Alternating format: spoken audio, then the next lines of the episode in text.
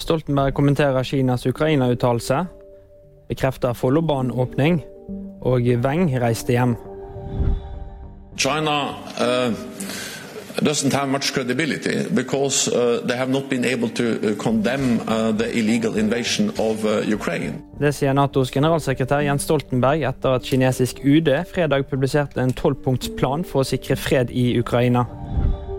Follobanen åpner 5.3, det opplyser Bane NOR. Da vil rutetilbudet på Follobanen og Østfoldbanens lokallinjer bli det samme som det var da strekningen stengte 19.12. Jernbanelinjen har kostet 36,8 milliarder kroner, og det har tatt 13 år å bygge den. Heidi Weng har reist hjem fra VM, det melder Skiforbundet.